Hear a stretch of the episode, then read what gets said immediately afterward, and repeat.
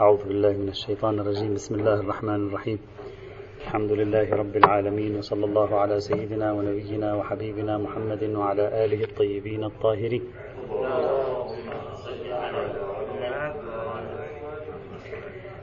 كنا نتكلم في الملاحق الأربع أو الأربعة التي آه، أردنا أن نكمل بها بحث آه، الحيوانات. الملحق الأول كان حكم بيض الحيوان. قلنا فيما يتعلق ببيض الحيوان البحث في ثلاث مقامات المقام الأول في بيض الطيور والذي توصلنا إليه في بيض الطيور هو أن العلامة المركزية ليست تبعية وإنما الشكل الهندسي.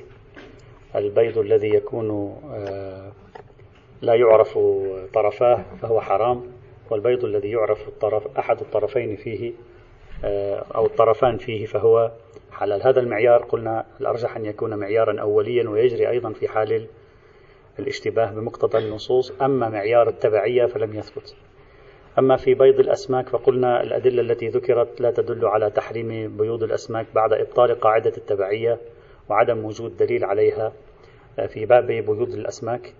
فيكون النتيجة حلية بيض السمك برمته بلا فرق بين أنواع الأسماك وأشكال البيض وملمس البيض هل هو ناعم أو ليس بناعم كله آه، يعطي الحلية كما ذهب إليه أيضا بعض المتأخرين.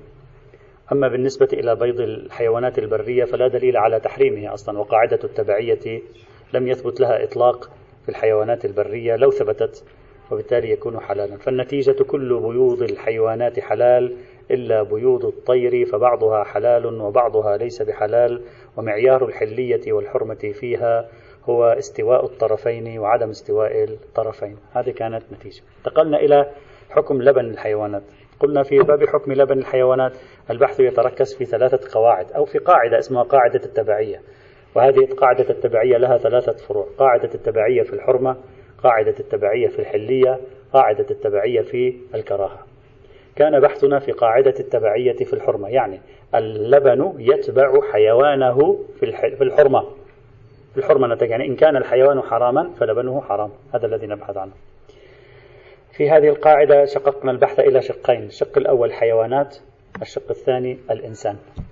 تكلمنا في قاعدة التبعية في الحرمة آه، في الحيوانات الأصلية والعارضة وذكرنا دليل الإجماع ودليل الاستصحاب ودليل حرمة الحيوان بنفسه والدليل الأخير هو الاعتماد على النص وليس إلا رواية داود بن فرقد وعلقنا عليها سندا وعلقنا عليها دلالة والنتيجة أنه لم يسلم دليل على وجود قاعدة اسمها قاعدة التبعية في الحرمة في باب ألبان الحيوانات. فالصحيح أن نرجع فيها إلى قاعدة الحلية حلال مطلقا وإن لم تثبت قاعدة الحلية نرجع إلى أصالة البراء. نعم ورد في بعض الحيوانات المحرمة الأكل بعنوانها تحريم لبنها مثل الحيوان الجلال.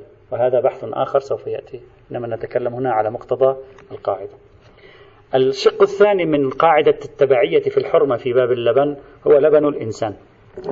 ذكر بعض الفقهاء أن لبن المرأة حرام إلا للصبي. طبعا ظاهر العبارة أن العبارة ظاهرها غير مقصود لأنه قد يوحي ذلك أن لبن المرأة حرام للصبية يعني للطفلة. وهو ليس مقصود. لذلك وضح بعضهم هذه الفكرة وقالوا لبن المرأة حرام ويستثنى منه فقط الطفل أعم من أن يكون ذكرا أو أن يكون أنثى. وعندما يقولون لبن المرأة حرام فهم لا يفرقون. يعني لبنها حرام على الأنثى وعلى الذكر حرام على آه، الزوج وغير الزوج حرام عليها هي نفسها. وهذا معنى الحرمة. نتكلم الآن عن ذات اللبن ولا نتكلم عن كيفية أخذ اللبن. حتى لو في كوب وضع أيضا يحرم. حتى عليها هي نفسها أيضا يحرم عليها. على مقتضى قاعدة التبعية في الحرمة في باب الإنسان. قاعدة التبعية في الحرمة في باب الإنسان. إلا أن بعض الفقهاء الآخرين بل ربما أكثر الفقهاء المتأخرين قالوا لا دليل على حرمة لبن المرأة. لا لها نفسه ولا لغيرها. هذا الغير أكان صغيرا أم كبيرا؟ ذكرا أم أنثى؟ الإشكالية هي في المماسة يعني كيفية أخذ اللبن هذا هي فقط. وبهذا يظهر الفرق بين هذا البحث وبحث رضاع الكبير المطروح في الأوساط آه، الفقهية السنية المعاصرة. على حال فهذه المسألة مشهور المتأخرين قالوا حلال بعض الفقهاء قال حرام وبعض قال بالإحتياط. احتاط في المسألة مثل السيد السيستاني على ما جاء في رسائله رسالة أكثر من رسالة عملية له مسائل المنتخبة ومنهاج الصالحين. ومثل الشيخ زين الدين في كتابه في رسالته العملية كلمة التقوى. الشيخ محمد أمين زين الدين من كبار الفقهاء يعني الأخبارية المعتدلين إذا صنفنا الأخبارية إلى يعني أخبارية محضة وأخبارية معتدلة إذا صح التصنيف. ولديه رسالة عملية جميلة جدا. مع الأسف ليست متداولة. اسمها كلمة التقوى ست مجلدات أو سبع مجلدات. أسلوبها واضح سلس بسيط جلي يشرح. يعني من الرسائل العملية التي تحظى بأسلوب جميل جدا من حيث الوضوح لعامة الناس بدرجة معتد بها. لكن مع الأسف لم يعرف بسبب كونه من الفقهاء الإخبارية عادة الناس لا تقلد الفقهاء الإخبارية. الشيخ محمد أمين زين الدين رسالته اسمها كلمة التقوى رسالة عملية مبسطة واضحة جلية أحيانا يأتي فيها ببعض الشواهد أيضا. كلمة التقوى. هو توفي أظن أنا لا أذكر متى يعني قبل 10 15 20 سنة هكذا يعني ليس أكثر من هذا الزمان أنا في أي سنة بالضبط لا أذكر. يعني هو في جيل السيد الخوئي وجيل الفقهاء تلك المرحلة أيضا. طيب ما هو الدليل على على قاعدة التبعية في الحرمة؟ أو ما هو الدليل على حرمة لبن المرأة الأدلة التي ذكروها عمدتها يعني في الحقيقة إذا أردنا أن ندقق فيها عبارة عن دليلين. يعني هذا الذي بعد التتبع وجدت عندهم. الدليل الأول قالوا لبن المرأة من الخبائث والخبائث يحرم أكلها. قالوا لبن المرأة من الخبائث والخبائث يحرم أكلها. هنا يجب أن نتوقف عند أمرين. أولا لم يثبت لدينا قاعدة اسمها قاعدة حرمة الخبائث بحثنا عنها بالتفصيل في البحث القرآني. قلنا أصلا لا دليل على قاعدة فقهية اسمها قاعدة حرمة كل خبيث. هذا أولا. ثانيا هل حقا لبن المرأة من الخبائث؟ يجب أن نفرق بين مفهوم تأبى النفس أن تتناوله وبين أن يعتبره الناس قذرا خبيثا. الناس لا تعتبره قذرا خبيثا. لا يقول أحد مثلا إن هذه المرأة ترضع ابنها الخبائث. لا أحد يقول هكذا. بل, بل ترضع ابنها أهم وأفضل وأنقى وأحسن الأطعمة. خبائث لا نقول عنها خبائث. لا باللغة العرفية نقول عنها خبائث ولا باللغة العلمية هي خبائث. نعم ممكن تكون طباع تتأبى. هذا مثل أي شخص مثلنا كلنا تقريبا منذ صغرنا لا بد أن هناك نوع من الأكل أو نوعين من الأكل أو ثلاثة لا, لا نحبه صحيح؟ لأسباب لا أدري ما هي في علم النفس. إذا كنت أنا نوع من الطعام لا أحبه لا أستطيع أن أقول هذا من الخبائث. أقول أنا تتأباه نفسي لا أقدر على أن أهضمه لا أقدر على أن أبتلعه لكنني لا أقول هذا نوعا خبيث. لا يقال عنه خبيث.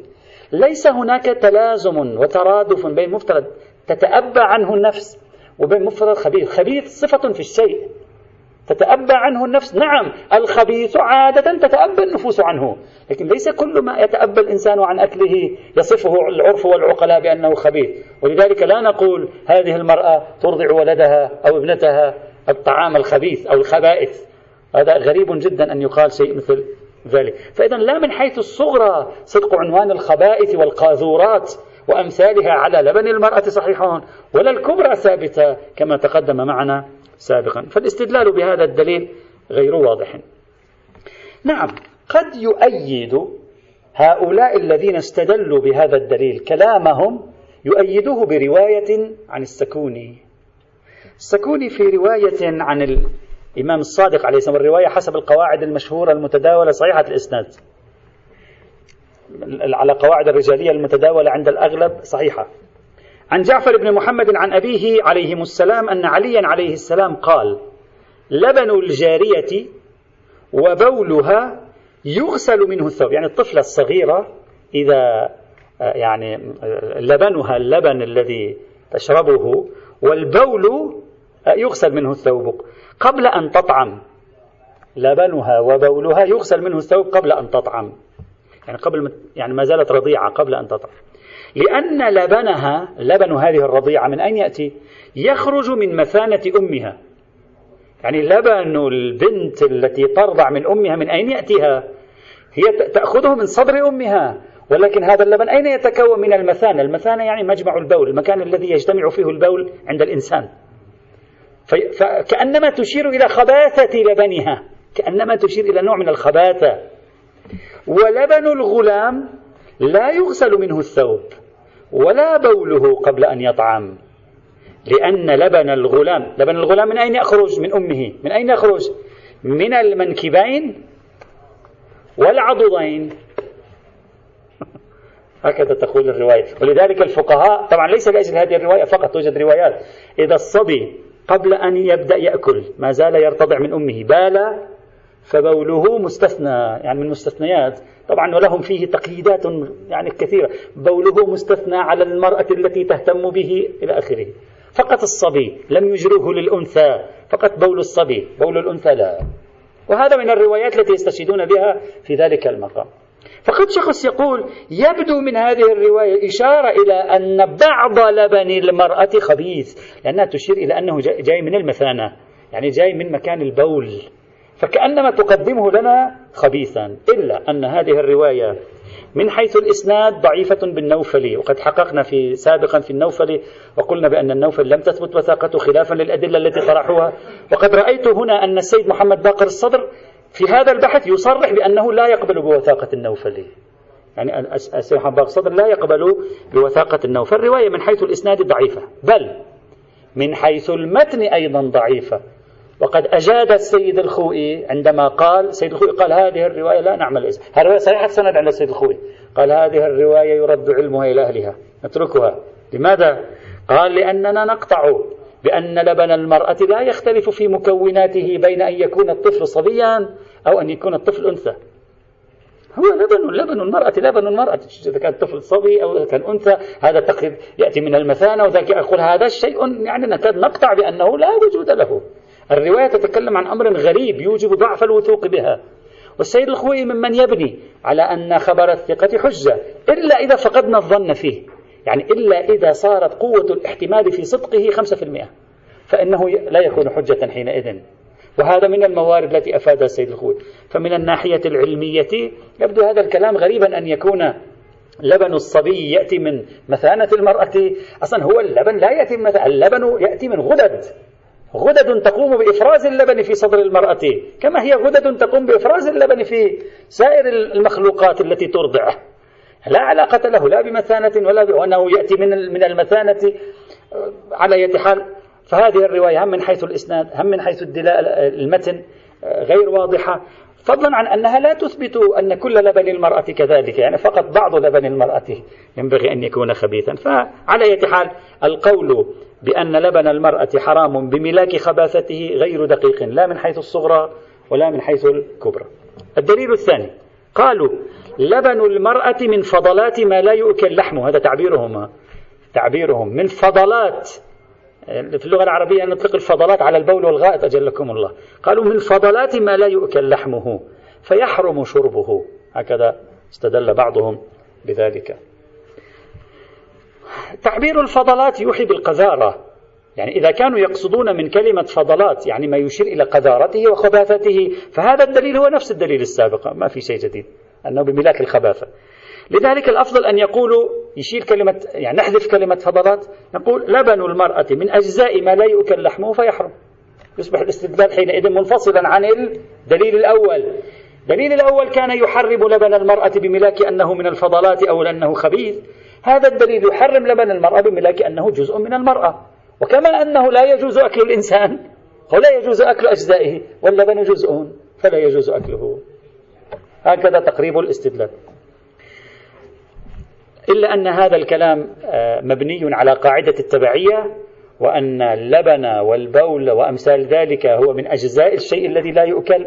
وقد قلنا سابقا بأن الاستدلال بدليل حرمة الشيء على حرمة ألبانه وما شابه ذلك وبيضه ليس صحيحا. ولذلك هم يقولون لا يحرم على الإنسان أن يبتلع ريقه. هذا ليس بدليل ليس للتخصيص مش أنه والله عندنا دليل تخصيصي. وهذا الريق الريق الذي تبتلعه أنت ليس هو من أجزاء ما لا يؤكل لحمه كيف تبتلعه؟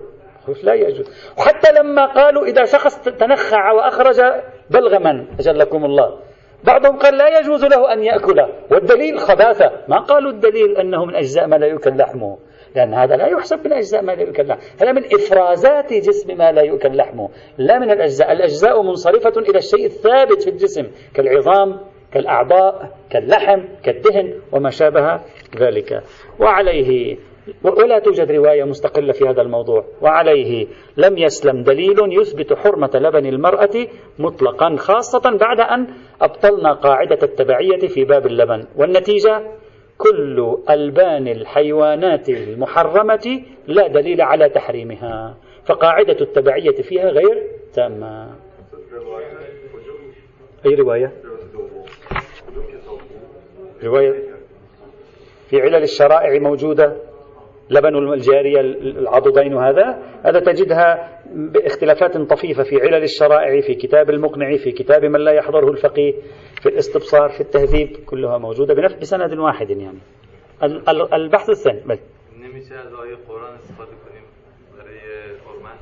أي آية خب.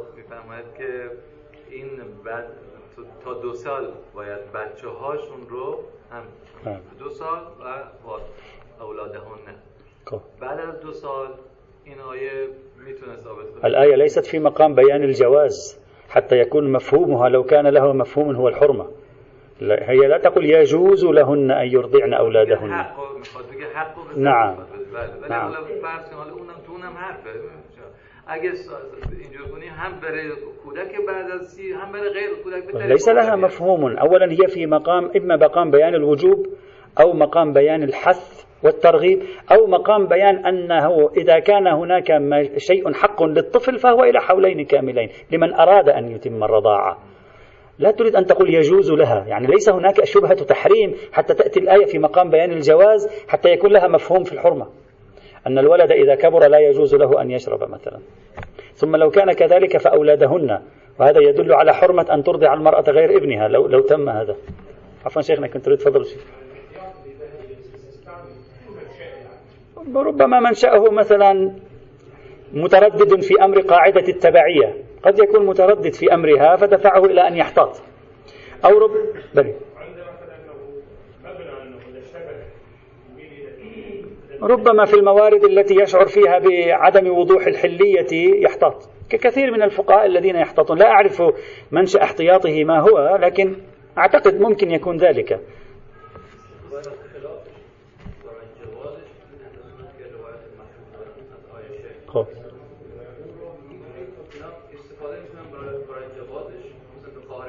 وذاك لأنه في مصادر أهل السنة. نعم. لك نعم لكن هذه الرواية ليست موجودة في في الوسط. هذه إذا أراد الإنسان أن يأتي بها كمؤيد للحلية لو ثبتت هناك تلك الرواية أن هذا مؤيد للحلية والدليل أنه رخصوا بأن يرضع الكبير وينشر الحرمة أيضا. هذا مؤيد يكون بناء على صحة تلك الرواية التي عليها نقاشات كثيرة جدا يعني حتى عند السنة فضلا عن غيرهم يعني. بصرف النظر عن المماسة. نعم نعم. خب میدونم. نعم. توی دیوان مثلا. بله بله. خب مثلا بعضی موقع حتی بعضی از فقها نگاه به موی زن منفصل رو حتى حرام دونستن ذاك ذاك ذاك يمكن ان يصدق عليه عنوان الزينه ولا يبدين زينتهن اما لبنها بولها لا يقال زينه لعلهم هناك مشكلتهم كانت مع طبيعة الاستدلال الكلي. أتى بعنوان زينة ولا يبدين زينتهن إلا لبعولتنا لا يقال عن لبنها أنه زينتها ولا يقال عن آه، مثلا كذا.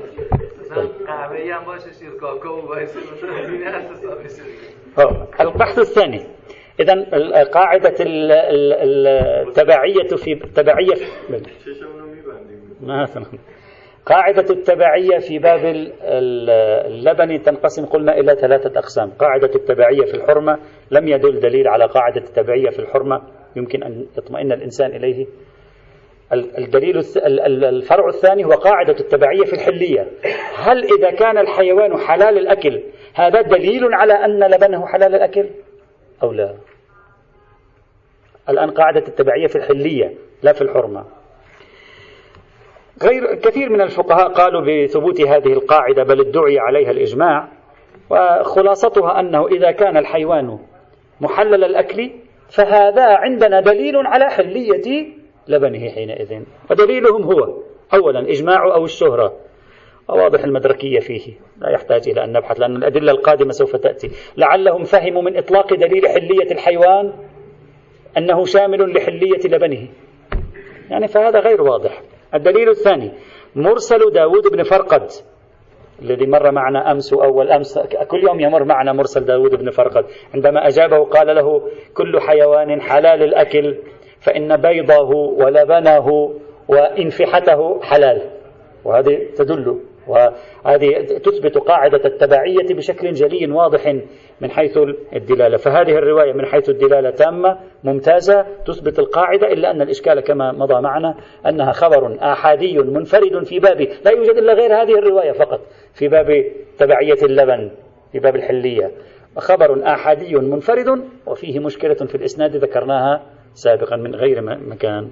الدليل الثالث الدليل الدال على حلية الحيوان. نقول كل دليل يدل على حلية حيوان فهو بنفسه يدل على حلية لبنه وهذا أيضا تقدم معنا سابقا. قلنا الدليل الدال على حلية حيوان. كالدليل الدال على حرمة حيوان ناظر إلى أجزائه. الأصلية لا ناظر إلى إفرازات جسده. وقد ذكر ذلك غير واحد من العلماء وهم ناقشوا في هذه يعني جمهور المتأخرين ناقشوا في هذه. قالوا لا الأدلة غير واضحة.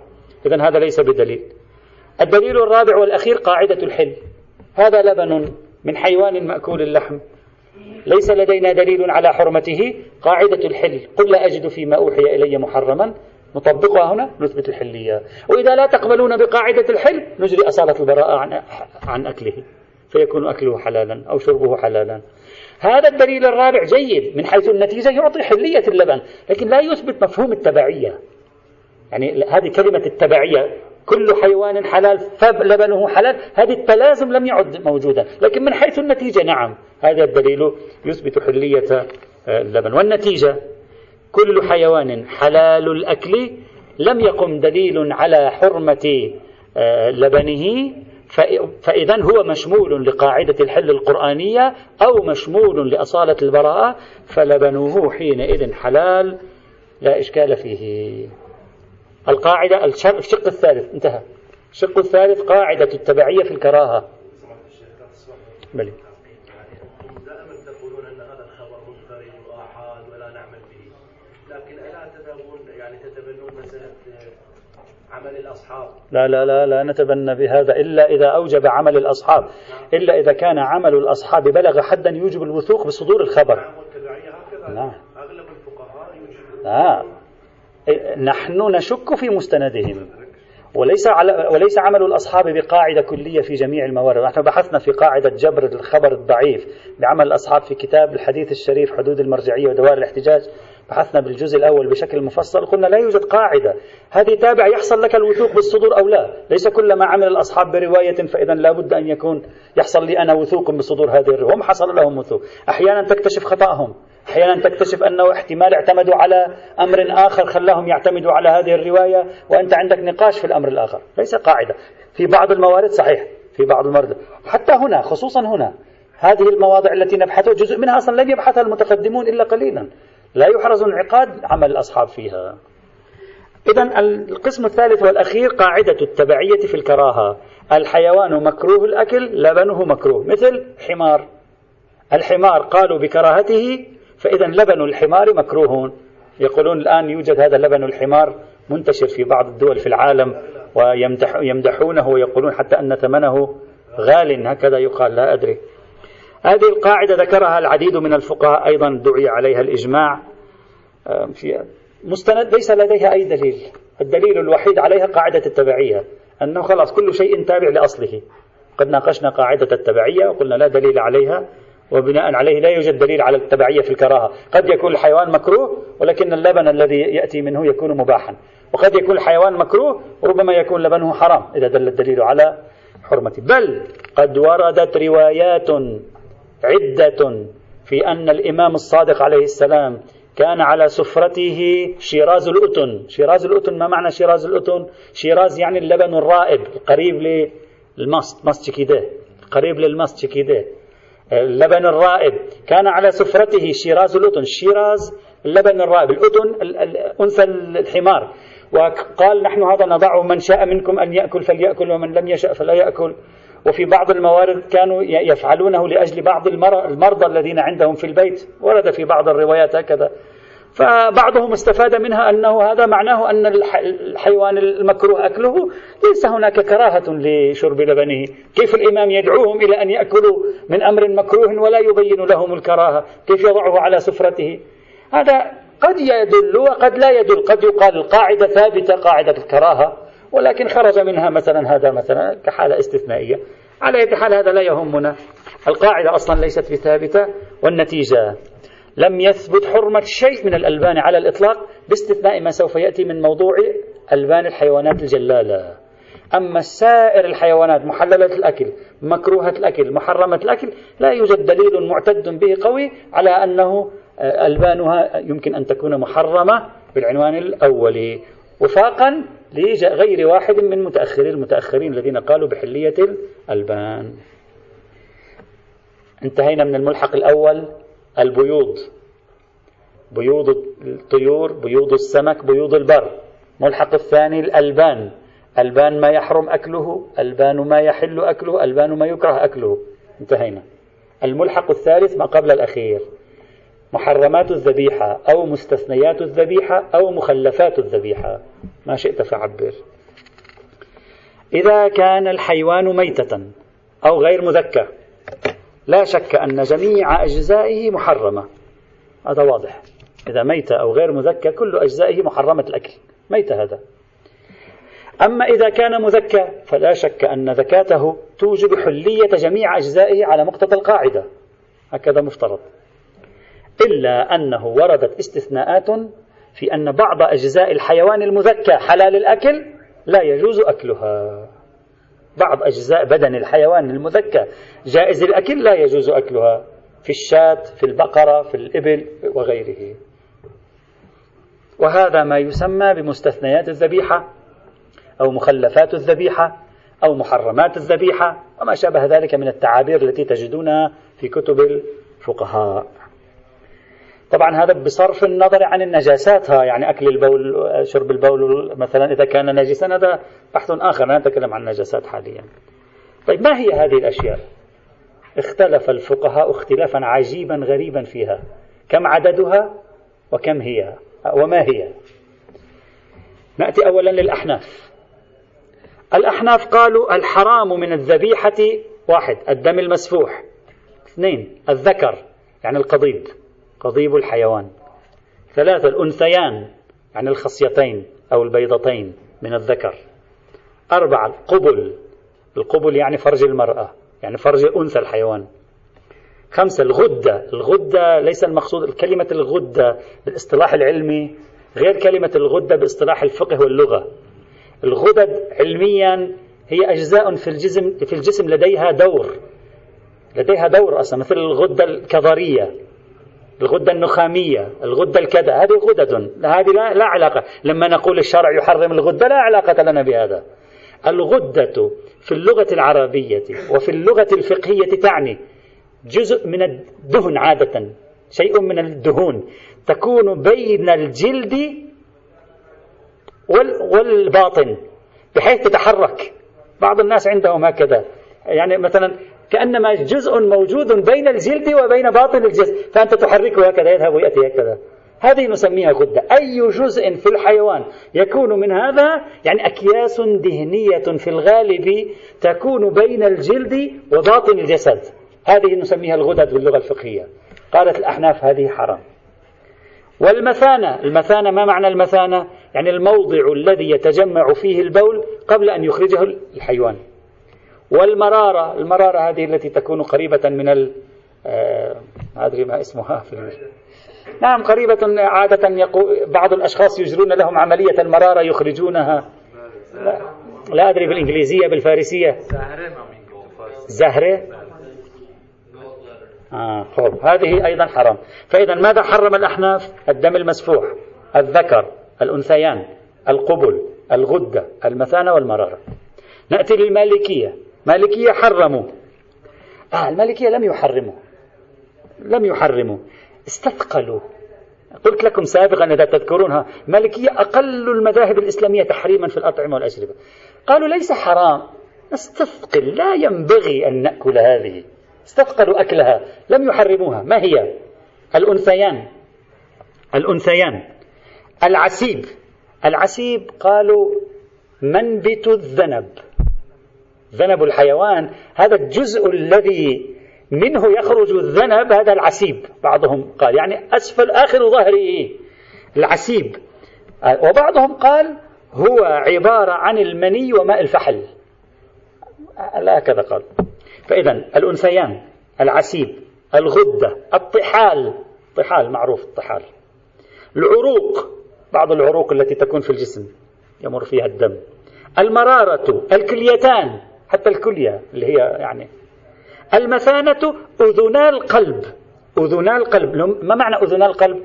تجويف تجويف الأيمن والأيسر اللي في القلب. البطين الأيمن والبطين الأيسر. العرب تسميه الأذنين مثل كأنما له أذنان القلب يعني. فتعبرون عنه بأذني القلب. القلب له أذنان. طرف اليمين اليسار تجويف من هنا وتجويف من هنا. فهذه نسميها أذنان القلب فهذه قالوا حرام. طيب. حنابلة قالوا يكره أكل الغدة وأذن القلب. هذا فقط. أما الإمامية اختلف فقهاء الإمامية فيها عددا وماهية وعمدة الأقوال ثمانية وتوجد آراء أخرى أيضا. أنا ليش يهمني أعرض لكم الأقوال؟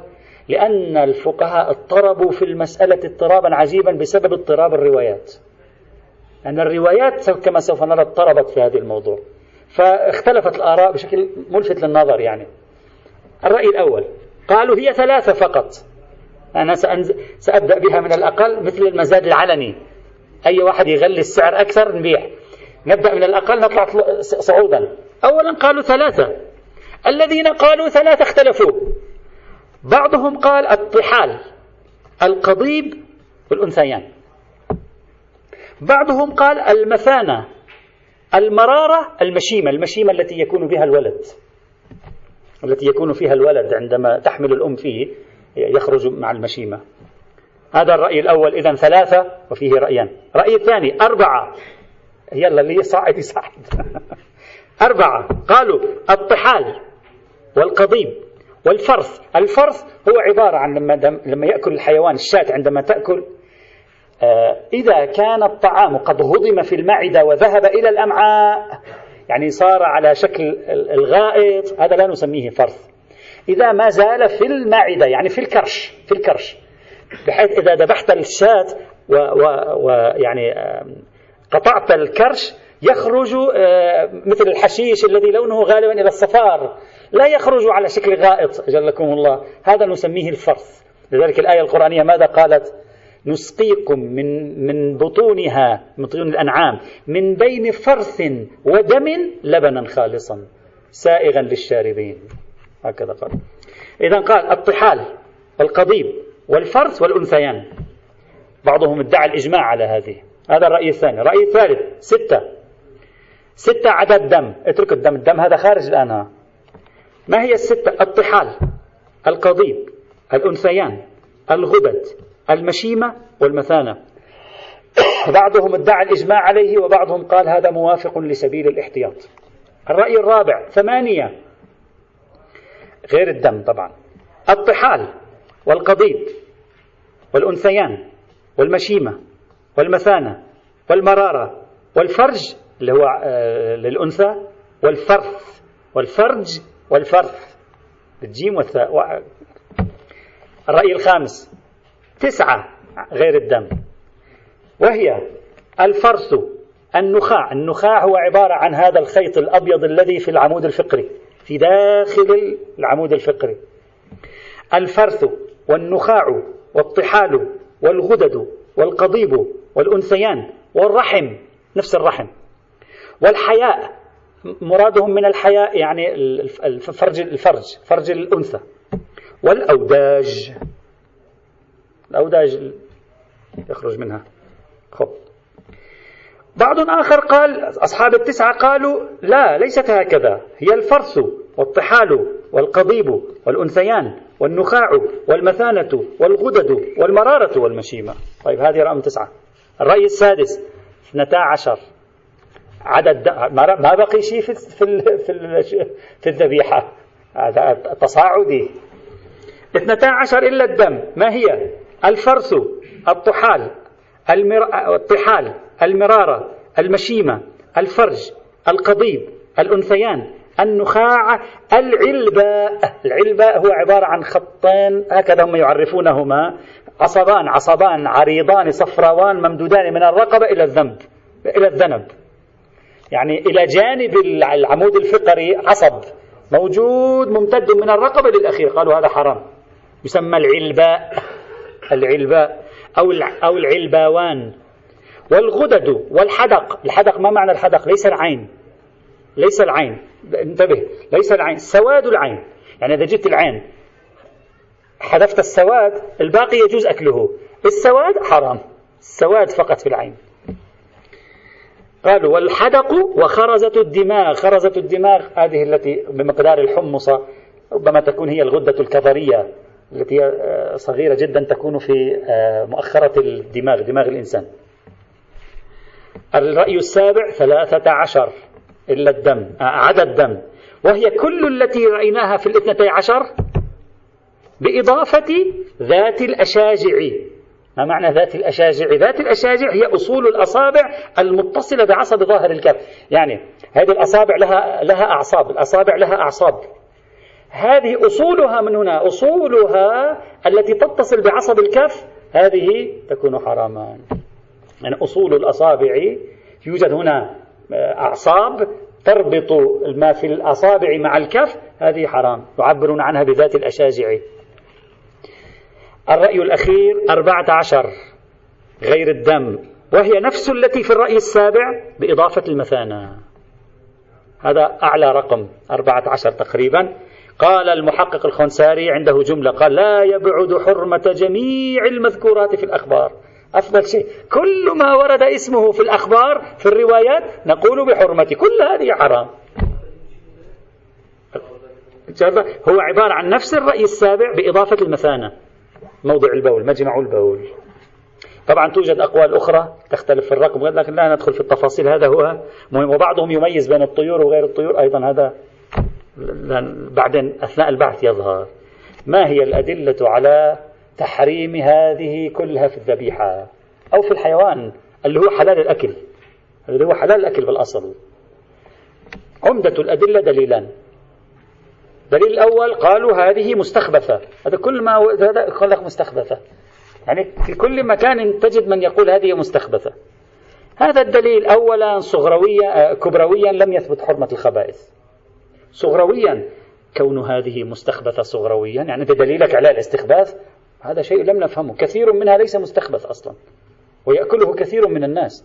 ثم لم أفهم يعني حدقة العين مستخبث والعين نفسها غير مستخبث؟ يعني شو هالدقة في الاستخباث؟ هذه دقة استخباثية عجيبة. نتكلم الآن في دليل الاستخباث لا في الروايات. الروايات على حدة. نتكلم هذا دليل مستقل. هذا غريب. أم مثلا النخاع الشوكي. مستخبث هذا الذي في الف... في القاع. أما ال... ال... ال... الأجزاء التي في داخل العظام ليست مستخبثة تعرفون داخل العظام أيضا يخرجون يأكلونها مغذية. هذه ليست مستخبثة أما النخاع شو... ما الفرق بين هذه العظمة وتلك العظمة؟ لا أفهم يعني ما ال... ما... أين الاستخباث لماذا لم يجعلوا تلك مستخبثة كيف كان الطحال مستخبثا الكلية والقلب والكبد ليست مستخبثة مع أنها الكلية والقلب والكبد متصلة بالدم والبول أيضا. وقالوا يعني هذه لم يدرجوها في المحرمات. على أي حال كيف كانت المثانة مستخبثة لأنها مجمع البول؟ أما الأمعاء اللي هي مجمع الغائط ليست مستخبثة. عجيب. إذا دليل الاستخبات في تقديري مشكوك في الصغرى مشكوك في الكبرى لا ينبغي إقحامه لولا وجود الروايات لربما ما ظهر لدينا تحريمات في موضوع الذبيحة. فعلينا أن نرجع إلى الأصل. وهو عبارة عن الروايات التي تمثل الدليل الثاني في هذا المجال. توجد مجموعة من الروايات هنا اليوم نذكر واحدة أو اثنتين وبعدين نكمل. الرواية الأولى خبر إبراهيم بن عبد الحميد. عن الرضا عليه السلام قال حرم من الشاة. سبعة أشياء الدم والخصيتان والقضيب والمثانة والغدد والطحال والمرارة. رواية واضحة من حيث الدلالة. تحدد العدد وتحدد الأعيان. تقول حرم سبعة. واضحة في مقام التحديد. الرقمي والعيني. وهذا جلي جدا. لكنها ناظرة إلى الشاة فقط. سترون بعد عندما نمر يعني يوم السبت وبعده سترون بأن الروايات بعضها ينظر إلى الشاة أكثر وبعضها لا يعطي كلام كلي. هذه ظاهرها الشاة. الرواية بطريق الشيخ الطوسي في التهذيب فيها كل من درست بن أبي منصور الواسطي اسمه درست ولكنه ليس بدرست الفارسية. لم يثبت وثقته بل فيها أسوأ من درست. درست لا أقل بعضهم حاول أن يخرجه. فيها عبد الله أو عبيد الله الدهقان الوضاع الكذاب المتهم بالكذب والوضع والجعل في ألسنة علماء الحديث والرجال. فالرواية في طريق الشيخ الطوسي في التهذيب. وطريق الشيخ الكليني في الكافي ضعيفة الإسناد. أما في كتاب المحاسن للبرقي فالرواية إسنادها تام عند الجمهور لكنها فيها محمد بن خالد البرقي ونحن سبق أن بحثنا آه، منشور بحث حول محمد بن خالد البرقي يوجد نقاش لأن بعضهم ضعفه وبعضهم وثقه ووقع نقاش بين العلماء في كيف نفهم التضعيف والتوثيق. بعضهم وثقوه وحلوا هذه المشكلة وبعضهم ضعفوه. وقالوا محمد بن خالد البرقي ضعيف والصحيح أنه لم تثبت وثاقته. الرواية الثانية. مرفوعة أبي يحيى الواسطي. قال مر أمير المؤمنين عليه السلام بالقصابين. قصابين الذين يعني اللي يبيعون يذبحون. فنهاهم عن بيع سبعة أشياء من الشاة قصابين الذين يبيعون اللحم. نهاهم عن بيع سبعة أشياء من الشاة لاحظ كلمة الشاة هنا أيضا جاءت. نهاهم عن بيع الدم والغدد وآذان الفؤاد والطحال والنخاع والخصي والقضيب. شو هذه السبعة غير تلك السبعة؟ ليست مطابقة لها. صحيح؟ هذه السبعة ليست مطابقة لتلك السبعة. هذا شوية بدأت التعارضات تأتي. تفهمك ليش الفقهاء اضطربوا في الفتوى هنا. ثم قال فقال له بعض القصابين هذا واحد قصاب قال له يابا نريد نسترزق نحن. نريد نبيع. هذا حرام وهذا حرام نريد أن نبيع. ما أعجبه يبدو. فقال له بعض القصابين يا أمير المؤمنين ما الكبد والطحال إلا سواء؟ ليش حرمت الطحال؟ والكبد مثل الطحال. يعني ليه هذا حرام وهذا حلال؟ ما أعجبه. فقال له كذبت يا لكع. لكع في اللغة العربية تعني الرجل الدنيء وأحيانا تعني الرجل الأحمق يعني صفة ذم. كذبت يا لكع. إيتوني بتورين. بالتاء بالتاء. إيتوني بتورين. يعني اجلبوا لي تورين. التور هو عبارة عن هذه ال ال ال شو يسميها؟ الكأس الصغيرة التي إما يشربون منها أو يتوضؤون فيها عادة. تكون عادة إما من خزف أو تكون من نحاس. هكذا يكون حجمها صغير. قال ائتوني بتورين. جابوا له من. أنبئك بخلاف ما آه، عفوا. ائتوني بتورين من ماء أنبئك بخلاف ما بينهما. أنا أعطيك خبر أيها القصاب. فأتي بكبد وطحال وتورين من ماء فقال عليه السلام شقوا الطحال من وسطه. شقوا الطحال من الوسط. وشقوا الكبد من وسطه. شقوا الكبد من الوسط. ثم أمر عليه السلام فمرساه. مرساه يعني صار يسوي فيهم هكذا حتى يخرجوا ما في داخله ماء طيب فمرساه في الماء جميعا. هذا في ماء وذاك في ماء. فابيضت الكبد. الكبد صارت بيضاء بيضاء. ولم ينقص شيء منه. يعني بقي حجم الكبد كما هو. وصار أبيض. يعني لم ينقص من الكبد شيء. هذا ما معنى؟ ماذا يريد أن يقول يريد أن يقول الكبد الدم ليس منه. يعني بقي كما هو ولكن صار أبيض. فإذا هذا مجرد لون لم يكن جزء منه دم. هكذا يريد الإمام أن يستدل. ولم يبيض الطحال. بقي الطحال على شكله. وخرج ما فيه كله. وصار دما كله حتى بقي جلد الطحال وعرقه. أصلا كله بقي جلده وكل المنطقة صارت دم. يعني كأنما تشرب دم. فقال له هذا خلاف ما بينهما هذا لحم أي الكبد لحم وهذا دم طحال دم. والدليل أننا لما أخرجنا منه الدم بقي فقط جلد. إذا هذا متكون من ماذا؟ من الدم. هكذا قال له. فتحريم الطحال يكون بتبع تحريم دم ليس تحريما مستقلا وإنما هو تحريم الدم. طبعا الرواية من حيث الدلالة واضحة تحدد سبعة أشياء منهي عنها في البيع. طبعا يفهم من النهي عن بيعها يعني النهي عن أكلها وهي بالنهاية ستذبح يعني. خاصة أنه أرجع الطحال إلى الدم مما يفهم منه أن الحرمة حرمة التناول. الدم هكذا. الخبر مع الأسف ضعيف السند في جميع مصادره لأن الواسطي الذي يروي الخبر يرفعه إلى أمير المؤمنين. الواسطي يعيش في القرن الثاني في زمن الصادق ويقول قال أمير المؤمنين ولا يوجد سند أصلا بين في جميع المصادر بين الواسطي وأمير المؤمنين فلا نعرف من أين حصل الواسطي على هذا. ثم أضف إلى ذلك لا أعرف لماذا الأمير هكذا ذاك سأله ما الفرق بينهم فقال له يا لكع ربما يكون ذاك قبل بمرة رجل مشاكس يمكن يكون رجل مشاكس لذلك الإمام يعني ضربه بهذه الكلمة ربما وإلا غريب عن أخلاق أهل البيت أن يأتي شخص من القصابين للمرة الأولى يسأله ما الفرق بين هذا وهذا؟ يعني ثم يتكلم معه بهذه الطريقة الاستبدادية يعني لا أدري. لا بد أن هذا الشخص لديه تاريخ سيء فالإمام هنا أخرج ما في جعبته من النهي والتقريع له والتنديد به مثلا. هذه الرواية نحن بحثناها في القسم القرآني إذا الإخوة يذكرون. قلنا هذه الرواية أصلا مخالفة للحقائق العلمية. لا طحال كبد ولا عفوا لا طحال دم ولا الكبد دم. هو غرهم اللون الأحمر فقط. لا هذا هذه أنسجة. ليست لحم أصلا. هذه في الحسابات العلمية أنسجة. نعم الطحال مولد الكريات الحمراء مش مولد الدم. مولد الكريات الحمراء التي تأتي على الدم تجعل لونه أحمر مش مولد الدم.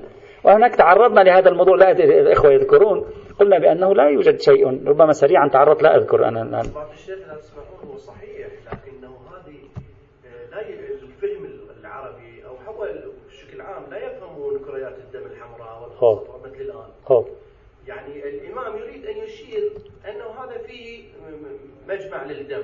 مثل مسألة إذا فيه نعم هذا قلناه. إذا فيه مجمع للدم فالكبد أيضا فيه مجمع دم. كله. تعرضنا لهذا الموضوع. أصلا من الناحية العلمية لو تقول لهم الآن علميا الطحال دم والكبد ليس بدم. يقول لك إذا هذا دم هم هذا دم.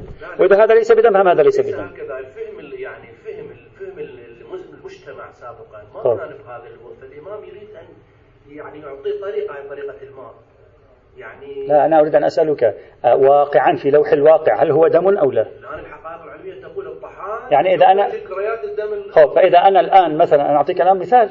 إذا أنا الآن جيت ووضعت يدي على طحال نجس أو لا؟ طبق قواعد النجاسة. لا أحد يقول بالنجاسة. لا أحد يقول لو شققت الطحال ووضعت يدك هذا نجس. لأنه تشخيص المواضيع الموضوعات الخارجية تشخيص آه، خارجي دقيق. يقول لك هذا ليس بدم. يخي يخيل نعم فيه اللون الأحمر مثل ما فيه اللحم لحم أحمر ولحم أبيض. هذا ليس دم. كون اللحم أحمر ليس يعني أنه دم بالضرورة.